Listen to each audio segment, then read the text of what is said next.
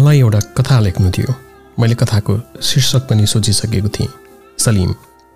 सलिम मेरो बाल्यकालको साथी मुसलमान। उसको बाबु एकलैनी बजार जाने गल्लीको मुखैनेर बसेर जुत्ता सिउँथ्यो पालिस गर्थ्यो। मोची भन्थे सबै उसलाई। असलम नाम थियो क्यारे उसको। हाम्रो घर अगाडि नै सडकको पूर्वपट्टि मुसलमानहरूको ससानो बस्ती थियो। मुसलमान बस्तीमा पक्की घर एउटा पनि थिएन। सबै घर कच्ची। माटाका पर्खाल र फुसको छानो। सबै एउटा वा दुई कोठाका घर असलम तिनै घरहरूमध्ये कुनैमा बस्थ्यो। मलाई केटाकेटीमा माछा मार्न असाध्य मन पर्थ्यो। स्कुलबाट फर्किन साथ आफ्नो घर पछाडि लुकाइराखेको कटिया लिन्थेँ। फरुवाले माटोले माटो खनेर गणेउला झिक्थेँ र सुटुक्क टोलको कुनै फोहोर गड्डामा पुग्थेँ माछा मार्न। फोहोर गड्डाकै छेउमा बाल्यकालमा सलिम र मेरो परिचय भएको थियो। कटियामा माछा परेपछि म कटिया तान्न अल्मलिन्थेँ र प्राय माछा फुत्कन्थ्यो सलिमले नै मलाई चनाखो भएर कटिया यसरी तान्नुपर्छ भन्ने सिकाएको थियो। त्यसपछि त म माछा मार्न सिपालु नै भएँ। आफूले मारेका माछाहरू घर लैजान मेरा लागि सम्भव थिएन। सलिम आफ्नो भएको माछा घर लैजान्थ्यो र म आफूले मारेका माछाहरू पराल बालेर पोल्थेँ। सलिम र म सँगै पोलिएका माछाहरू खान्थ्यौँ।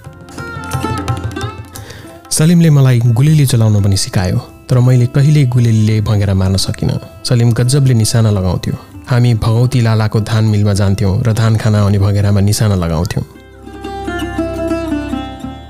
सलिम भँगेरा पोल्थ्यो र हामी दुवै भँगेराको मासु खान्थ्यौँ। पतङ उडाउन पनि मलाई सलिमले नै सिकाएको थियो। किन्नी कसरी बाँध्ने छडी कसरी दिने चङ्गा उडेपछि कतिखेर तान्ने कतिखेर ढिल दिने यावत कुरा मलाई सलिमले नै सिकाएको थियो।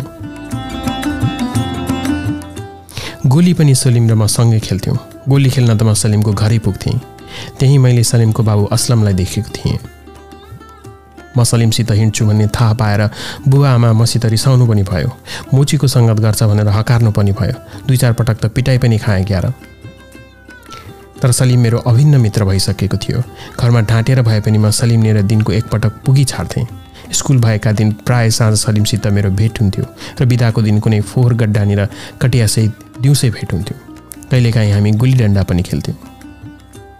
सलिमसितै मैले साइकल चलाउन पनि सिकेँ। पहिले कैँची पछि गद्दी। सलिमसितै मैले कबाब खान पनि सिकेँ। कहिलेकाहीँ सलिम नमाज पढ्न मलाई आफूसँगै मस्जिद लैजान्थ्यो। म मस्जिद बाहिरै रोकिन्थेँ। ऊ भित्र जान्थ्यो। म उसलाई पर्खिरहन्थेँ। कहिलेकाहीँ म उसलाई बागेश्वरी मन्दिर लैजान्थेँ ऊ बाहिरै रोकिन्थ्यो म भित्र जान्थेँ ऊ मलाई पर्खिरहन्थ्यो। पछि सलिम पनि बाबुसँगै एक्लै नि जान थाल्यो। असलम उसलाई जुत्ता सिउन र जुत्तामा पालिस लगाउन सिकाउँथ्यो।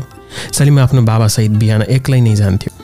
असलम सानो कोठाको बक्सा बोक्थ्यो। सलिम नाइलनको सानो झोला एक्लै नै पुगेर सलिम आफ्नो पसल सिँगार्थ्यो। काँटीहरू पालिसहरू छालाका ससाना टुक्राहरू जुत्तामा बाँध्ने तुनाहरू नयाँ सोलहरू चप्पलका दुई चार जोर फित्ताहरू। म कहिले काहीँ नालीमाथि दुईवटा पटरा राखेर तयार भएको सलिमको पसलमा पुग्थेँ। ऊ लाज मान्थ्यो र कहिलेकाहीँ भन्थ्यो म ठुलो भए पनि जुत्ता सिउने काम गर्दिनँ। के गर्छस् त? म सोध्थेँ। ऊ गल्लीमा टाँसिएको सिनेमाको पोस्टरतिर देखाउँथ्यो र भन्थ्यो सिनेमा खेल्छु हिरो बन्छु। मेरो दाजु बम्बईमा काम गर्छ। त्यतिखेर उसको उत्तरमा मैले के प्रतिक्रिया जनाएँ मलाई अहिले के थाहा होस्? तर त्यसपछि मलाई स्कुलबाट भागी भागी सिनेमा हेर्ने लत लागेको त अहिले पनि थाहा छ। समयले धेरै तोक गर्यो। फुसाइला घरमा आगो लागेपछि सलिम सपरिवार कतै अन्यत्रै बस्न गयो। मलाई पनि माछा नमिठो लाग्न थाल्यो। भँगेरा खान झन् दिगमिग लाग्न थाल्यो र चङ्गा उडाउने बानी पनि छुट्यो। गुच्चा पनि खेल्न छाडेँ। म बिस्तारै सायद ठुलो हुँदै थिएँ। पछि सलिम र मेरो भेट हुनै छाड्यो तर सलिमलाई म कसरी बेच्न सक्थेन मलाई पटक पटक उसको अनुहारको सम्झना आइरहन्थ्यो। उसको निधारमा चन्द्रमाको आकारको एउटा काटिएको दाग थियो। उसले भनेको थियो उसकी सौतिनी आमाले जुत्ता सिउँदा प्रयोग हुने फलामको औजारले हिर्काएर निधार फुटेपछि त्यो दाग परेको हो। पछि मलाई सलिमले त्यो औजार देखाएको पनि थियो। त्यो औजार वास्तवमै गरुङ्गो थियो। जुत्ताहरू उल्टो पारेर घुसारेर माथिबाट किला वा सोल आदि ठोक्न त्यो औजारको प्रयोग हुन्थ्यो। त्यतिखेर सलिमले मलाई त्यो औजारको नाम पनि भनेको थियो। तर ठिक सलिमको कथा लेख्न बस्दा मैले त्यो औजारको नाम बिर्सिएँ सम्झनै सकिनँ। कुनै दिन जुत्ता पालिस गर्नेसित त्यसको नाम सोधुला भन्ने सोची कथालाई अधुरै छोडिदिएँ तर कथाको शीर्षक मैले राखिसकेको थिएँ सलिम। केटाकेटीमै अनायास सलिमले जन्माइदिएको म भित्रको सिनेमाप्रतिको आकर्षणले पछि म सिनेमा निर्माणसित सम्बन्ध हुन पुगेँ र एउटा चलचित्रको छायाङ्कन क्रममा आफ्नो गृहनगर पुगेँ। सुटिङ स्थगित भएको एक दिन। त्यस दिन मैले ब्रिफ केसमा आफ्नो अधुरो कथा भेटेँ सलिम। मैले झट्ट केही सम्झेँ। आफ्ना दुई जोर जुत्तामध्ये मैले जुत्ता लगाएँ र एक्लै नितिर लागेँ। एक सुरले मेरो जुत्ता पालिस गरिरहेको मोचीलाई मैले बिना प्रसङ्ग सोधेँ भैया तिम्रो यो फलामको औजारलाई के भन्छन्? फर्मा भन्दै उसले मतिर हेऱ्यो। निधारमा उही चन्द्रमाको आकारको दाग। क्यामेराको फ्ल्यास चम्के म झस्केँ सलिम। तर मेरो मुखबाट नाम निस्किएन। म लाटो भएँ। लाटाले चाहिँ उसले टल्काएको जुत्ता लगाएँ। लाटाले चाहिँ उसको दुईवटा पट्रामा अडिएको दोकानलाई हेरेँ। काँटीहरू पालिसहरू तुनाहरू छालाका टुक्राहरू सोलहरू उही बाबुका पालाका औजारहरू उही स्थानमा उही स्थितिमा थोक उही र उही सलिम। तर सलिमको पसलमाथिको भित्तामा सिनेमाको पोस्टर चाहिँ फेरिएको थियो।